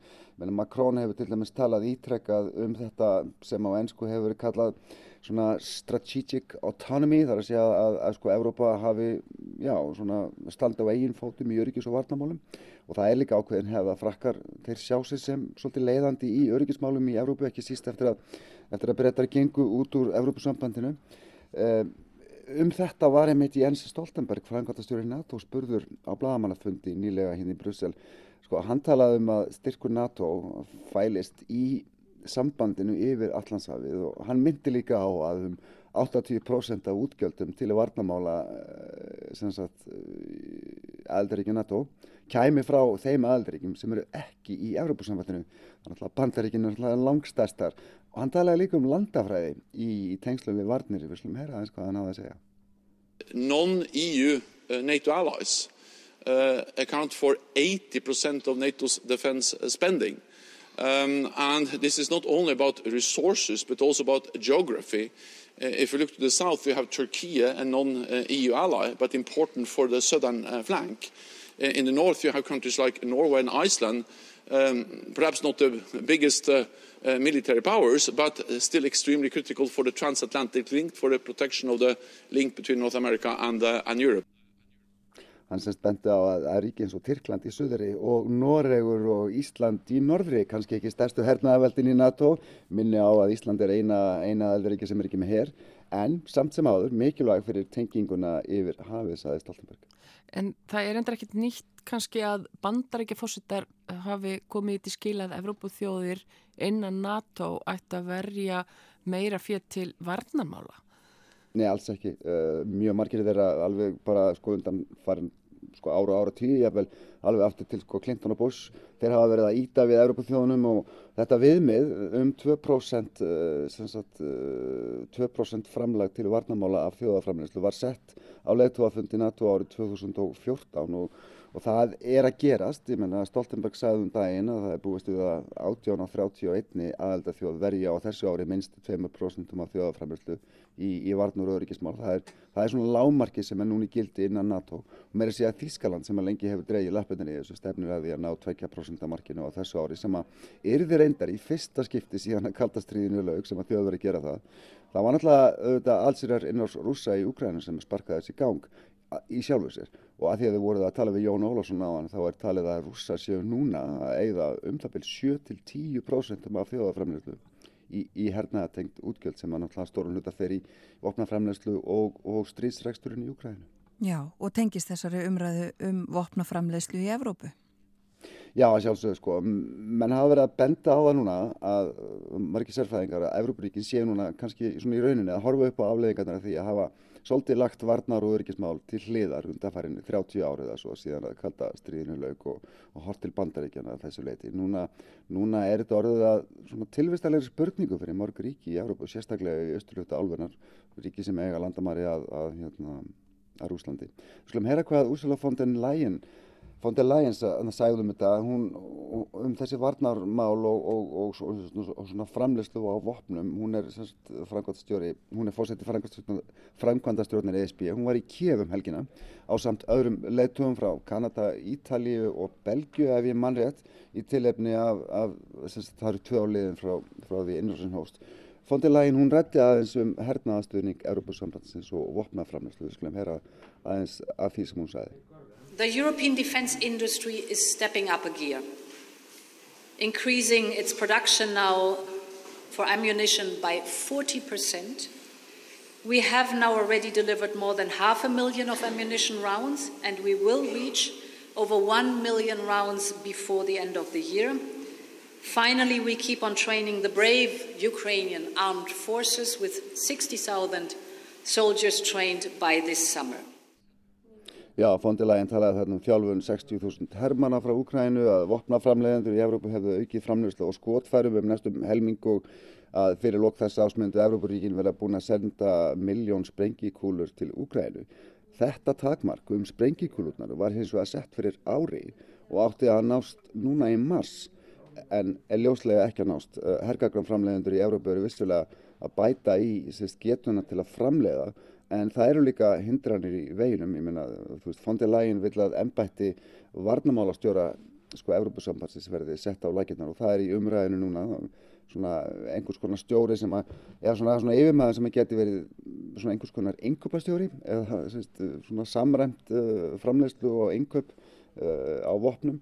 Uh, framkvæmtastjórn SSDSB er núna að undirbúa samílega áallunum um framlegslu og yngöp á vopnum og skotharum en það eru til dæmis til dæmis sko, skipta skoðanur um fjármögnun, hvernig á fjármagna þessi innkaup, hvaða mótnin eiga að koma, uh, hvort það eiga að kaupa bara af evróskum framleiðendum eins og frakkar vilja til dæmis mjög. Það er benda á að, að ef að tilgangurinn er að kaupa hernaðagögg fyrir Úkrænu þá, þá sé ekki mikill tími til stefnu og það þurfa að kaupa þau bara hvaðan sem er. Mm. En þú varst með fréttir að því á laugardag að ungverska þingi myndi samþykja umsókn svíja um aðild að NATO í dag. Uh, Ungverjar eru eina aðaldathjóðun sem á eftir að gera það. Stendur þetta með uh, þingið í dag? Já, það bendur allt til það sko. Ungverska þingi kemur saman í dag. Fréttameila segja að þetta mál verði afgriðt í þinginu um klukkan 2 að íslenskum tíma. Uh, þetta er náttúrulega allt saman sko eftir að, að hérna, Viktor Orbán, fórsetisráð þeirra Ungverðarlands, svona á endanum gaf grænt ljós á þetta í síðustu viku. Uh, og ef þetta gerist sem að er allar líkur á að því að sko þjóðþing allra aðeldaríkja ESB, nei ESB, NATO uh, hérna þurfa að, að samþykja engöngu nýra aðila og það hafa öll aðeldaríki gert, Íslandingar voru bara mjög snöggir aðeins til dæmis. Uh, og um langar hríð voru tvö ríki eftir þar að segja Tyrkland og Ungveriland Tyrkir hérna, þeir, þeir dróðu þetta mjög lengi að, að hérna, afgreða umsókn svíja, ímsa hremmingar sem að, sem að svíja lendu í með, með Tyrki út af því. Um, en semst, svíja sóttu um vorið 2022 á samt finnum og, og þeir letu þar með að um 200 ára hlutleysi stefnu, ég heldur að við síast farið í stríðu um 1814 eitthvað svo leiðis. Um, þetta er alltaf beina afleiðing af innrás rúsa í Júkrænu. Uh, finnar svona nokkurn veginn flugu í gegn, voru samþektir inn sko í fyrra vor. Uh, Svíjar hafa sérst verið í þessum vandræði með, með Ungverja og, og, og, og Tyrki. Tyrki samþektu svo núna í, í janúar uh, Tyrknarska þingið. Ungverjar hafður endur alltaf sagt að þeir eruðu ekki síðasta þjóðun í NATO til að staðfesta Svíja en það endar var svo ofan á Þetta endaði með því að Úlf Kristesson fórsettisáþur að Svíja mætti til Budapest síðasta fyrstudag Hann var reynda með í, í, í töskunni samningum sölu á fjórum sænskum grípen orustuþótum til Ungverja. Þeir eiga 14 slíkar fyrir og það er loft til Ungverja og, og það er kannski hjálpað eitthvað til, það voru allavega ekki spilt fyrir. En það er útlitt fyrir þetta að, að, að svíja verði samþyktir á þinginu í Budapest í dag. Mm. Uh, þá áttir að skila nokkrum skjölum til Washington þar sem að öll skjölum um, sem, sagt, sem tengjast sáttmála NATO eru, eru geimt svona formlega séð og þegar það er búið að gera það þá, er, þá eru svíjar komin inn í NATO Já. síðan er búist við mögulega að það verði einhver einhver aðtöfn hérna í, í höfustöðum NATO hérna í Brussel í, í lokveikunar og mögulega kemur Úlf Kristursson fórstættisráttara Svíþjóðar þangaf og þá er sænski fánin dregin á hún og, og, og NATO-ríkir er raunir 32, voru 30 fyrir, fyrir tveimur árum. Já, já, það búist við að þetta gerist þetta... bara á næstu dögum. Já, já, já, þetta gerist bara um, um leið og ungverðir eru búin að þingið er búin að samþykja það þarf að skrifa einhvers, það þarf að undirrita einhver skjöl, mm -hmm. það þarf að, svo þarf að svíjar að undirrita einhver skjöl og það þarf að senda þau til, til, til Washington eða aðfenda þau í Washington og þar með eru svíjar komin inn og, og, og hérna og aldaríkjum NATO hefur fjölkvæmt 240 árum og Já. sem er bara beina afleðing af, af, af hérna einrarsúsa. Akkurat. Og það er útlitt fyrir það að Mark Rutte verði næsti framkvæmdastjóri NATO? Já, talandum NATO, það er einmitt svona búið að vera lengi, lengi umræða um, um hver teku við af Jens Stoltenberg. Uh, það var ímisn uppverið nefnd uh, en það lítur þannig út að Mark Rutte sé núna líklegasti arftæki Stoltenbergs sem, sem, sem hefur verið hérna í tíu ár sko. mm -hmm. uh, Bretar, bandaríkjaman, þjóðverjar frakkar, styðja Mark Rúte og reyndar fjölmörg önnur ríki um það vil 20 af, af 31 eða 32 ef við teljum Svíþjóð uh, Rúte svona tikkar auðvitað í nokkur bóks sem maður þarf að tikka í að maður vil verða komast í þessu stöðu. Já, þau eru? Já, til dæmis, hann er þjóðuleitvei. Það er einlega orðið að skilir fyrir því að fá þetta starf. Er, mm. um, það kom til talsum daginn að, að hérna, um daginn í fyrra að, að Ben Wallace, uh, varnamálar á þeirra uh, breyta, væri líklegur í starfur en, en hann hlaut ekki. Uh, það hafa önnu nöfnböri nefnd, uh, Mette Fredriksen, fórsettisráþra Danmerkur, það var talað um Úrsula von der Leyen sem hún reyndar tilkynnti nýlega að hún ætla að setja áfram í Brussel ef að það verður í bóði eftir Evrópu þingskostningarnar.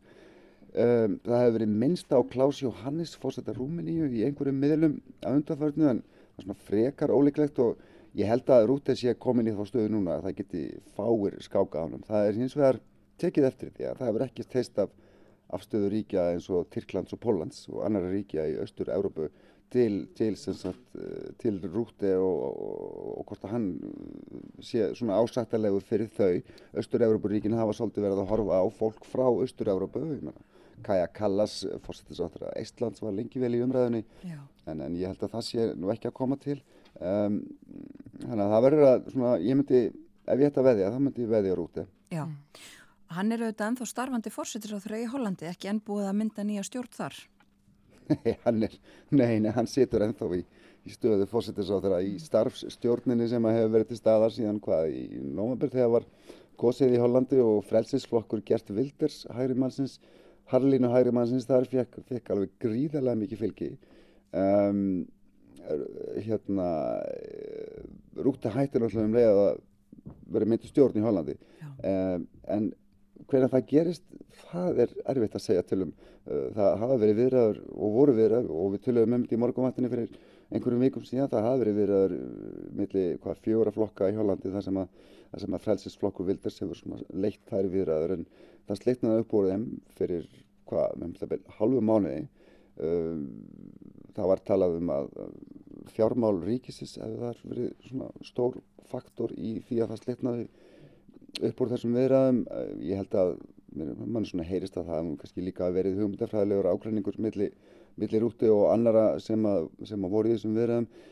Núna er búið að skipta um manneskjuna sem er svona verkstjóri viðræðina, það er þingið sem, sem að skipar þá mannesku og, og hann á að skoða aðra möguleika, aðra, aðra flokka sem að geta mögulega farið í viðræður og mynda annarkort meira hluta eða mynda stjórn en niðurstaða kostningan er bara þannig að það er mjög erfitt að finna munstur sem að, sem að tryggir meira hluta stjórn þannig að það er sumi vil ekki vinna með öðrum og aðrir harneita að vinna með vilders og eitthvað. Þannig að það er bara pattstaða og ekkert að frétta af, af stjórnarmyndunni í, í Hollandi og á meðan setur rútið áfram.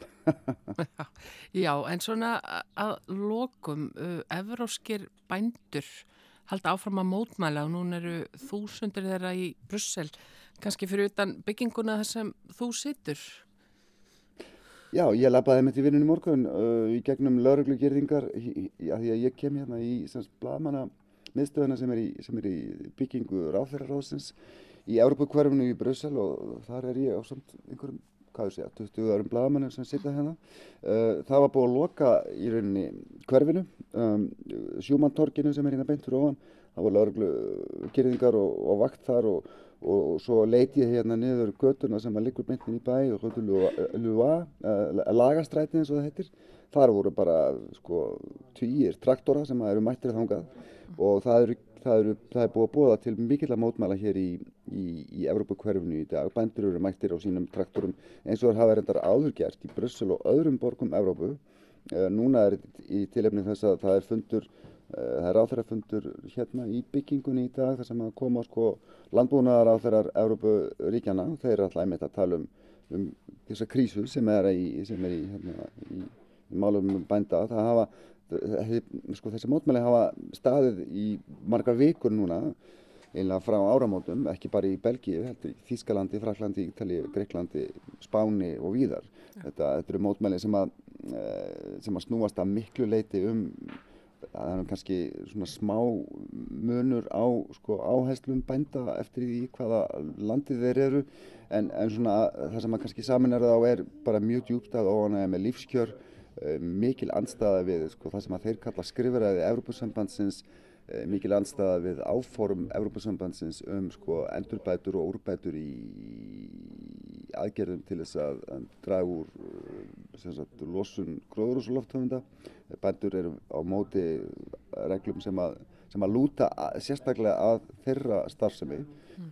uh, pólskir bændur eru mjög á móti sko, innflutningi landbúnaðarafurða frá Úkrænu uh, bændur í Fraklandi eru til dæmis mjög mikið á móti sko, fríværslanarsamningi sem að ESB ætlaði að gera við fjögur ríki í Söður Ameríku þaðan sem átt að flytja í rauninni ódýra landbúnaðarafurður sem að bændur segja að séu framleitar með reglum sem að eh, er með miklu svona frjálsari reglum hvað var það umhverfismál heldur en að þeir þurfi að selja sig undir Já. þannig að þetta er svona þetta, er, þetta eru djúbstæð viðtæk mótmæli og þau eru og það er ekkert láta á þeim og fyrir þá sem að kannski vilja kynja sér þetta þá, þá get ég bent á, á umfjöldun Hallgríms sko Indriðarssonar fréttamanns í heimskvöðum sem að var á, á lögvæta en það er ítalið umfjöldun um, þessi mótmæli. Einmitt það. Kæra þakki fyrir í dag Björn Málkvist fréttamaður í Brussel. Takk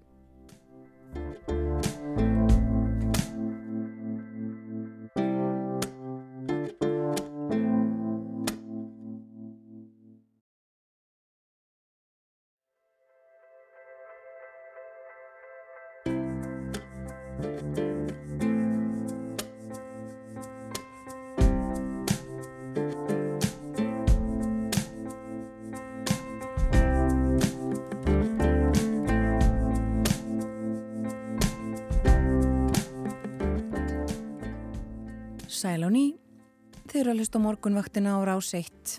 Klukkan orðin leðlega hálf nýju þennan mándags morgun og lítum aðeins til veðurs. Það er eh, lægð á Grænlandshafi sem að stjórnar veðrunni hjá okkur í dag. Nú í morgunsárið er all hvað sunnanátt á landinu og talsverð rigning sunnan og vestanlands en úrkomi lítið um landið norð-austanvert. Í dag lægir svo smám saman og það dregur úr vætu en þó er útlut fyrir að það rigni áfram sleitulítið sunnan til á landinu. Og hitin í dag á bylunu 2 til 8 stygg. Í kvöld gengur þessi lægð austur yfir landið og þá má búast við rigningu í flestum landslutum. Það verður svo norðvestan og vestan 8 til 15 metrar á sekundu á morgun en kvassara austast fram eftir mótni.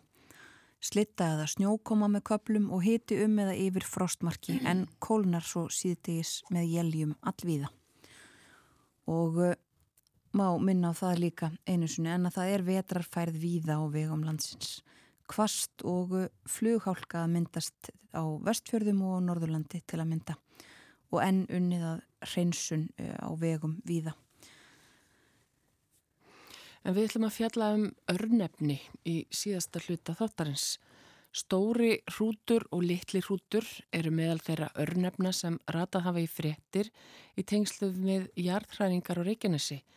En það eru kannski ekki allir sem vita að þessi fjöll heita líka siðri og nýrðri keilisbróðir. Það er nefnileg ekki sama hver segir frá þegar örnefni eru annars vegar og þekkt er að fjöll, þúfur og dalir beri fleiri en eitt nafn og svo er líka um örnöfni á Reykjanesi. En örnöfni á þessum slóðum sem fáum voru kunn hafa hlotið óvænta fræð undan farin ár. Örnöfni eins og sílingafell, þráinskjaldarhraun, meradalir og stóra skófell, svo dæmi séu tekinn, voru ekki á allra vörum fyrir en jörð á þessum slóðum tók að hristast og kvika að leita upp og yfirborði í formi eldgosa. En örnefnin á Reykjaneskaganum eru viðmælanda okkar í síðasta hluta morgumvaktarinnar þó vel kunn. Cecilia G. Guðmundsdóttir skrifaði bókina Örnefni og gönguleiðir í Vasslesustrandarreppi sem fyrst var gefin út snemma á tíunda áratug síðust aldar og var síðan endur útgefin með viðbútum. Hún er náttúrunandi og hefur gengið mikið um þau svæði sem gósið hefur á undanfarið og þekkir vel gamlar þjóðleiðir, hæðir, hóla, dali og fell á þessum slóðum. Ég rætti við Cecilium Örnefni og Reykjanesið og byrjaði á því að spyrja hvaða var sem kveikti þennan mikla áhuga hennar á örnefnum á hennar heimaslóðum en hún er aln upp í vógum á Vassleysuströnd. Það byrjaði nú bara á náttúrskoðunum almennt allum heiðina heima sem er á úskaplega víðáttu mikil og stór þarna fyrir ofan voga og Vassleysuströnd og þetta var fyrst bara hremst náttúrskoðun og ég er mikil útvistakonna og svo fór ég alltaf að skrifa niður þegar ég kom heim, þá fór ég að skrifa lýsingar á því sem ég var að skoða og svona hvar ég var. Og svo var þetta búið að vinda svo mikið upp á sig. Þetta voru mörg blöð, marga blæsir og þá þess að ég geti nú kannski gert eitthvað úr þessu. Og þá fór ég að sapna svona markvist og fekk þá lánaðar sko þá var þetta fyrir tíma GPS en þetta, það var að koma inn en ég hefði þurft að byrja á allu verkinu aftur ef ég hefði tilengað mig þar þannig að ég var bara að skrifa niður og tala inn í upptökutæki. Hvenar er þetta sem þú ert að byrja þess? Þetta er svona átt að þetta er bóking var, fyrsta bóking var gefin út 93, heldur um sekar 92 og það hefur, ég var svona fimm ári í þessu, fimm sumur og, og í fríum frá vinnunni, ég var alltaf í fullri vinnu. Ja. og svo um, lánaði síslumæðurinn í keflaug mér loftmyndir og ég var með loftmyndirnar í bakpókans, þetta voða gammaldags í dag svo, því að þetta er ekki nútímin og svo var ég alltaf að fletta út þessum kortum og, og átt á mig á því hvar ég væri með loftmyndir Já. og svo þetta upp á sig. Þannig að þú færði þennan mikla áhuga á því að skrá niður örnöfni á þessum slóðum. Já, svo fór ég náttúrulega að skoða það sko til þess að hafa þetta svolítið markvist, þá fór ég að skoða alls konar heimildir, gamlar bækur og gamla greinar og örnöfnaskrár frá örnöfnastofnun sem er núna uh, stopnun Árna Magnússonar, einn deil undir, undir henni. Og þá fekk ég alla gamlu örnarmennskrándnar á úrvallistrandarheppi sem eru þar, liggja þar og ljósið á þeim og bar svo saman svona hvaða örnefni voru hér og hvar sko. Ég gæti ekki nota bara eitt, ég þurfti, þurfti kannski fá tvö til að vera vissum að það héti þessu nafni eitthvað. Og svo já bara bækur og það var, voru sapnað, örnöfnum var sapnað á Vassliströndinni og í repnum svona frá 50 til 70 á vegum þjóðmjörnsapsins og þar liggja þessa skrár sem ég stuttust mikið við og talaði við bændur, gamla bændur í repnum til að fá svona betri lýsingar og staðsetningar af því sem ég voru að leita. Og þetta er ansið tímafreg vinna. Jú, þetta var bara, ég var bara húgt á þessu, og krakkan segja. Það var svo gaman ja. og mér líður svo vel einni eitthvað staðar út í náttúrunni. Hvað heldur þú að hafa reitt mörgum klukkustundum að arka þarna um? Ég get ekki eins og ímynda mér það. Nei. Það er mjög margir. Tölum aðeins um Reykjanesið. Það flestir hafa nú heyrt til dæmis um Keili. Það er svona einkennisfjall Reykjanes skagans og það er hérna uh, inn á þessum þessari örnöfna skrá sem að þú hefur haldið utanum og fólk þekkir kannski Þorbjörn og, og einhverju önnur örnöfni en núna svona undarförnum árum þá hefur kannski svolítið bæst í þennan ef við getum kallað þess örnefna forða þjóðarinnar í öllum þessum fréttum af jarðræringum að þá, að þá hérna erum við að sífælt að kynnast nýjum og nýjum örnefnum og nýjum eða ekkert nýjum, þetta eru ekki ný nöfn en, en, en við höfum kannski ekkert heyrt mörg þeirra áður. Og það eru dæmi þarna um líka einhver örnefni sem að er ekkert allir sammál um hver eru eins og til dæmis litli hrútur og stóri hrútur mm. það, þau, þau fjöll er ekki það er til fleiri nöfna á, á þau, ekki sett? Jú, það er það Já Og það liggur í því að það er nokkur dæmi um þetta í kringum og ég veit að þetta eru dæmi við um landið og ég þekki það ekki nákvæmlega. En þessi nöfn það liggur í því að við í Vastlustandarheppi við notum þarna siðri og niðri þarna keilisbróðir undir þessi, fyrir þessi fjöld þarna að því að við vorum að vinna þeim meginn frá þeim, skiluru bandur og og smölun og svona, þá voru við með þessi nafn, okkur kom ekki deila við hvað grindvíkinga kalluðu og þau kalluðu stórar hút og litlar hút. Já. Þannig að þetta liggur stundum í reppu, þú ert að vinna þanga og þá býr þú þau nöfn sem eru næst hér keilir næstur og það var kannski eðlegt að það héttu uh, keilisbróðis. Þessi tveir sko. Já, Svo eru líka til keilis börn og þau eru þannig alveg við keili. Já, þannig að það skiptir máli hvaðan er horta fjalli. Já, og hvaðan þú ert að vinna frá. Bandur unnu upp heiðina heima, upp að keili og upp að dingju og þar og, og þeir, þeir, mörkin voru svona ekkit langt þarna frá og Og þetta er alveg til víðar, sko, til dæmis nefni hérna í núpslíðarhalsi sem er halsin fyrir ofan keili sem án og eftir að koma og kemur í fréttum alltaf varðan þessu gós. Þar er fjall sem heitir framfell frá okkur á strandinni en það heitir vestufell frá, frá hérna krísugur megin, skilruðu þetta er, þetta er framfell okkar, það er fremst næst okkur í fjallinu en það heitir vestufell af því það er vestur frá viðdísavellum eða því svæði sko. Já. Þannig að þetta er alveg til. Hvernig svona almennt verða örnöfni til? Þetta er rosalega stór spurning.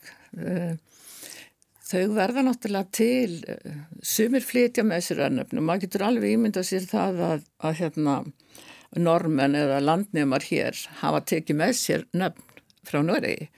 Það hefur gerst í Kanada. Að Íslandika tóku með sér nöfnin sín til Kanada eins og hekla og heklu vatn og hábær og allt mögult og þetta er frá Íslandi komið af því að þeir voru landnemar. Og svo er það náttúrulega ef að það markar, það getur verið búið til örnöfni úr einhverju döðsfalli eða einhverju slísi og það er, það er gjá heima sem heitir Ólaskjá að því að það rapaði maður niður í umaldamótin þegar það var að smala. Og Ólasvarða líka eh, þarna við. Og svo er það náttúrulega selin og það þegar fólk var að vinna í, með því upp í heiði þá varst að vita það er vestan við eða ofan við eitthvað ennöfni mm. en svo er það líka náttúrulega, svo er þetta breytast. Og ég sá það bara til dæmis þegar ég var að sapna þessi vógunum og þá voru krakkar að því að börn eru ekki að vinna lengur með fullondu fólki. Þau eru bara í leikskólum eða eitthvað. En í áður fyrir voru þau alltaf með fullondum fólkinu og lærðu það sem að fullondum fólki saði þeim um örnefni og svona. Ja. Það var ábyggilega lítil breyting á því þá en svo þegar ég er með börnum mín, uh, ung og svona, uh, þá voru þau búin að breyta sjálförnefnum. Þau fóru að veiða síli í uh, svona uh, lænu sem heitir Síkið heima, það er gammalt að nefni og þá fórðu að kalla þennan, þennan læk að þetta, þetta vatn sílalæk. Já, já, að því að þar veitu þau síli. Já, þau veitu sín síli þarna og þau, þau byggu það bara til. Og þá, svo gæti það fest já. eftir sem að börnin þróskast og eldast og þetta er ekki óalgengt sko. Þannig að hver kynslu vil kannski setja sitt mark á landslæðið og, Já, já. þú þekkir þetta svona og þá viltu hafa það svona En er eitthvað svona eitthvað þema á Reykjanesinu í örnöfnum? Er þetta mikið til náttúrunöfn eða er eitthvað svona sérstakt við örnöfninu á þessum slóðum? Þessar sko heiðin sem ég er, þá er það mikið náttúrulega fjár búskapur eða búskapur almennt og þá voru það bara eins og þarna upp í grindaði geldingadalir og, og meradalir og, og eitthvað sem tengist búskap. En það var ekkert mikið annað þarna og svo náttúrulega ef það var eitthvað sérstakt eins og klopningur, eitthvað klettur sem var klófin, þá heit, heitir hann klopningur og þannig að það er stundum, stundum náttúrann og stundum búskapur og stundum döðsföll og stundum einhver alvarsaga eða eitthvað. Þú fyrir skráð örnefni á í rauninni bara hluta af Reykjanes skaganum. Hvað með svona afgangin af þessum landsluta? Er, eru þau örnefni skráð líka? Já, þau eru náttúrulega all skráð í þessum gamlu skrám sem eru til hjá Arnafnastofnun. Og, og, en þar vantar stundur svolítið upp á er það já, ekki? Já, jú, það er náttúrulega þess tíma, þetta er þess tíma skráningar og sumir kannski töluðu bara við bændun og þeir sögðu og sögðu eitthvað en fóru ekki á staðina því þetta er svo viðfend Já. en hérna eh, svo náttúrulega ætlaði ég hafði svolítið áhuga að fara í eh, sjávarsíðuna sko sem er bara um 25 km leng bara sjávarsíðan þarna við Já. í Sveitafélaginu voru það var svo mikið vinn og ég var flutti í Mosesbæ og það var eiginlega óvinnandi vegur að vera alltaf að fara þarna sýrtir og heim og, og þetta er líka svo mikið örnöfnum. Þar var fólki að vinna. Já. Það var hver stein örnöfndur og hver, hver sker og, og þetta er rosalega vinna en það, það eru til örnöfnskrár. Og svo verð ég nú að minnast á ferlir, þannig að það er göngahópur rannsóknarlöflunar í Reykjavík það hefa nú margir heist um það og það er rosalega merkilegur gagnabanki hjá þeim, hjá ferlir. Þau hafa gert alveg afrið í, í að skrásita örnöfni sko. Er þetta mikilvægt að, að skrásitja örnöfni og varvetaði? Já, mér finnst það. Það er bara að segja okkur söguna eins og heima í, já, nú heim í hverjargerði núna en í, í Vastlustrandarheppi þá, þá er allir hættir að búa. Það er engi með búskaplengur það er ekkert farið með kindur upp í heiði eða hesta eins og að gerst og þá við, vitum við þá söguna af ennarnunum þarna var sel og þarna var eitthvað af því að fólkið er hægt að vinna þarna. Við viðheldum alltaf ennarnunum ef við heldum sömu lífsháttum eða búskaparháttum. Þetta er svona tengsl við bara menningu fyrir tíma og Já, þjóðlíf. Akkurát Átt þú þér einhver uppáhalds örnefni á þessum slóðum á Reykjanesinu? Já, já, það náttúrulega, það eru rosalega skemmtileg mörg örnefni þarna sem ég gæti velt lengi fyrir mér þegar ég var að vinna þetta. Og það er einn til dæmis holt hann í heiði sem heitir Vandarholt. Og ég hugsaði oft hvað, hvað er þetta Vandarholt? Og ég var búin að spyrja bændur og það vissi engin á hvað það hétti Vandarholt. Og ég vissi það að teki hrísan í gamla daga sko og ég hugsaði með mig fyrst hvort þetta væri svona vöndur til að flengja fólk eða eitthvað. En svo kom það, svo er það líklega að það, það var svo vandarsamt að reka fjöði niður holdið. Það vildi týstrast eitthvað nefn Já. og það hefur verið vandi að reka niður holdið, líklega er þetta skýringin. En svona fyrir maður að velta fyrir sér. Þannig að það var engin vöndur. Nei, ég held að það var ekki verið vöndur en, en þeir sóttur í svona sko en, en ekki þannig að það fyrst að skráða í eldin og svo verð ég nú að nefna hérna uh, já, strokkameljur er til. Og það er svolítið skrítið og þá spyr hvað heldur þú að sé strokkameljur hvað er, hvaða fyrirbæri er það? Uh, já, ég mannum kannski þetta í hug einhvern tengsl við smjör eða það að strokka, já, strokk. jú, jú, er þá er þetta í Kvassarhætslandi þar er, þar er svona raundrýli sem eru svona gerfigíkar rétt við Reykjanesbötina og það, þeir eru opnið svona niður úr eins og þessi gerðvíkika eru, það eru svona hól, þeir eru hólur einan og þá heitir þetta strokkamelur því að þetta var líking við strokk en núna myndi enginn búa til þetta nefni. Nei. Ég veit ekki hvað fólk, unga fólki myndi kalla þetta. en svo núna í þessum jarðræfingum þá er þetta verða til ný örnöfni, það, er, það fylgir svolítið þessu svæði, þetta Jó. er síbreytilegt landslag og, og þá þá þurfa þau að, þurfa að endur nýja þessi örnöfni og Já. kannski einhvers þá sem bara falla bara brott Já, það er ekkit ósannlegt að falli brott af því að þú týnir þessum stað. Eh, það er bara mjög erfitt að búa að vera með örnöfni viðhalda örnöfni sem er einhvers staðar undir hraunni en þeir gera það í Vestmanægjum þeir eru með nöfnin á gödunum þar upp á hraunnu þeir eru með svona skildi Þannig að gatan þeirra sem eru kannski mörgum metrum á nýjörðinni, það er, það er upp á rauninu. Ja.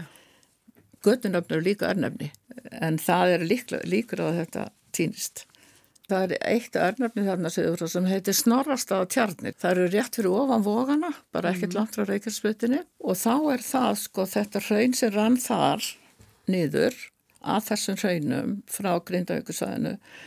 Það, það heitir það heitir hérna Arnarsetursraun réttanafni og það hefur runnið við bæð þar sem hefur heita snorra staðir. En núna er eftir nú veit engi hvað þeir voru en snorra staða tjarnir eru eftir að því að raunir rann alveg að tjarnunum. Og þá helst á vitu við að þarna hefur verið bæð sem hétt snorra staðir. En engi veit hvenar Nei. Já Það er svona ráðgát, ráðgátur við það. Spennandi. Þessu, en uh, þessi örnefni sem við höfum verið að heyra í fréttunum, það, er, það voru hérna, meradalir, það eru sílingafell, mm. uh, skófell, mm. hagafell, ímis, ímisfell mm. og, og, og svo eru þetta þessi hraun, þau berur allir upp, það er mm. þráin skjaldar hraun til dæmis. Eru einhver af þessum örnöfnum svona, hvað sé, er, er, er, er deilt um þau líka, hvað þau heita, er menn með ólíknöfn? það er kannski aðeins, ég held að það hefur nú bara kannski verið brenglun, einhvers staðar er skólarhaun sko og ég nefni það með bóki það er nú grindavíkur eða svæði grindavíkur megin, en það gæti að hafa heita skollarhaun áður sko samanbyrð refur eða eitthvað svo les þannig að þetta getur alveg breyst. Þú breytir frambyrði og svo læri einhver þennan frambyrði og þá er þetta að breyta örnarnir í eitthvað sleppa elli eða eitthvað sko en já því að minnist á sílingafell þá kallum við þetta alltaf sílingafell En það er til líka svarsengisfell á þessu sama fjalli og að því að fólk var farið að það er þannig að svæði græsvæði undir svarsengis eða sílingafelli sem heiti svarsengi. Það er svona græsblettir þar sem fólk kelt svona skemmti móti gamla dag. Svo færist það yfir á fellið og svo færist það yfir á bláa lónu eða orgu. Þú veist, svarsengi er ekki þar. Nei. En það er komið þanga núna. Þú segir alltaf orkuverði í svarsengi. Það er ekki, það, það er ekki að svarsenginu sjálfu. Svarsengi hefur verið eitthvað engi þar sem að Já, fólk kom saman gras, og, og, og dansaði. Já, og, og dansar og tjöld og svona. Og færist þetta yfir. Já, svo færist þetta til. Já. Þannig að svona getur þetta breyst eitthvað einu gegnum árin. Já, það þróast svona. Já, þróast. Og kannski var það bara mjög gott nafn á orkuverið að því að hvað áttu að heita Þorbjarnar orkuverið eða Já, hvað. Einmitt. Já. Það verður að nýta kannski bara örnöfnin sem, næst, já, já, sem eru þannig nákvæmlega. Já. já. En ég verður aðeins að nefna að ég samtið Faradalsraunir sem að ég var nú ekki, ég var nú ekki margir hryfnir að því nafni ekki okkar megin sko, að því að það passar alls ekki. En samt lagði að önnafnarstofnun blessin sín yfir það þegar það var verið að festa þetta nafna á raunir þarna. En Faradalurinn er sko er voga megin í Faradalsfjalli sko, hann er alls ekki þarna austan við þar sem að raunir rann núna sko, eða þarna fyrr og, og þetta passar alls ekki svo fyrir fólk að halda þarna að vera ykkur faridalur, hann er bara allt öru stað sko. en þetta er fallið nafn Já, en hefur varstu með hugmynda öðru nafni fyrir faradarsraun? Ég, ég hefði nú látið að bara halda Kjeldingarraun eða Kjeldingardalarraun það var í talið á langt en En svo lendaður í vandraðan þetta, það kemur hraun og hraun. En svo var nú góð hugmynd eitthvað tíma að það ætti að heita, hæsti gígurinn fyrsti hefði ætti að heita Ísólfur, af því að Ísólskóli er hann fyrir neðan, það er bærin Ísólskóli. Ætti að segja hann ekki kannski verið í þeirra landi, ég veit það ekki. Að mér fannst það út af þessi bara flott nafn, sko. Ísóls hraun. Það er ekki annar hraun þarna verið sko nefnt Ísólsraun. Ég menna, svo kemur annar hraun og þá myndur það heita kannski geldingarsraun eða raunsraun eða ég ætla ekki að fara út í þetta Nei. en það er þetta deila endalust um þetta Já, og Já. það er kannski að sem er svolítið skemmtilegt við svona örnefni það er, þetta, það er hægt að hafa skoðanir á þeim og, og ræða þau fram og tilbaka. Og því með alls ekki setja stóra skóksfell í texta. Er algjör glæpur, ekki essið. Ekkert það heitir skófell. Munum það. Munum það. En kæra þakki fyrir komuna. Já, morgunvaktina. Þarna heyrðu við í Cecilju G. Guðmundsdóttur sem er sérfróðum örnefni á Reykjaneskaga. En Reykjanesið kom fyrir í ræðu Rektors Háskóla Íslands Jóns Alla Bendiktssonar en hann fylgdi, já hann útskrifaði kandidata á förstu dag, það var útskrift á Háskóla Íslands og í ræðu Rektors saði meðal annars Hagnýtt gildi grunnrannsókna hefur orðið okkur öllum ljóst í eldsumbrótunum á Reykjaneskaga að undanförnu. Þar hefur jarvísinda fólk okkar verið vakið og sofið við að rannsaka hreyfingar jarskorpunar og að upplýsa stjórnvöld og almenningum ólíkar sviðsmyndir og rektor heldur áfram og segir vita skuldir þungbært að glíma við erfileika sem ekki sér fyrir endan á og það á sérstaklega við um íbúan á Reykjanes og ekki síst grindvikinga sem er í óvissum framtíð sína.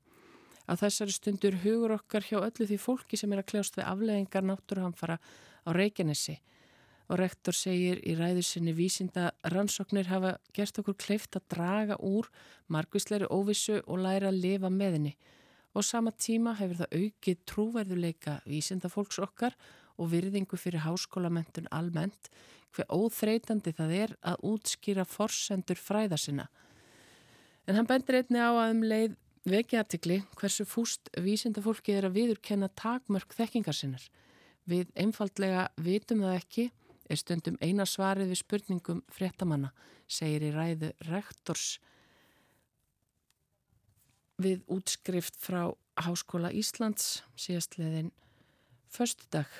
Já, og þá má nefna einmitt að uh, fræðimaður frá Háskóla Íslands, Freystit Sigmundsson sem er uh, fjölmiðla neitnundum kunnugur, hann verður á uh, fundi með grindvikingum í kvöld. Um, það eru almanna orðandelt ríkislauglustjóra sem heldur upplýsingafund fyrir íbúa grindavíkur.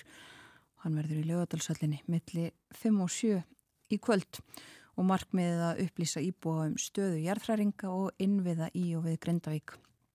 Þarna koma til fundarins, já, Freistett Sigmundsson, Kristín Jónsdóttir frá Veðurstofunni, Ari Guðmundsson sem hefur haft umsjón með varnargarðavinnu og það verður rætt þarna um jarðkönnun, um neysluvatn og frárensli og stöðuna á innviðunum Svo er talað um ramagnið og heita vatnið og uh, þarna verður líka Úlvar Lúðvíksson, lauruglstjóru á Suðunössu.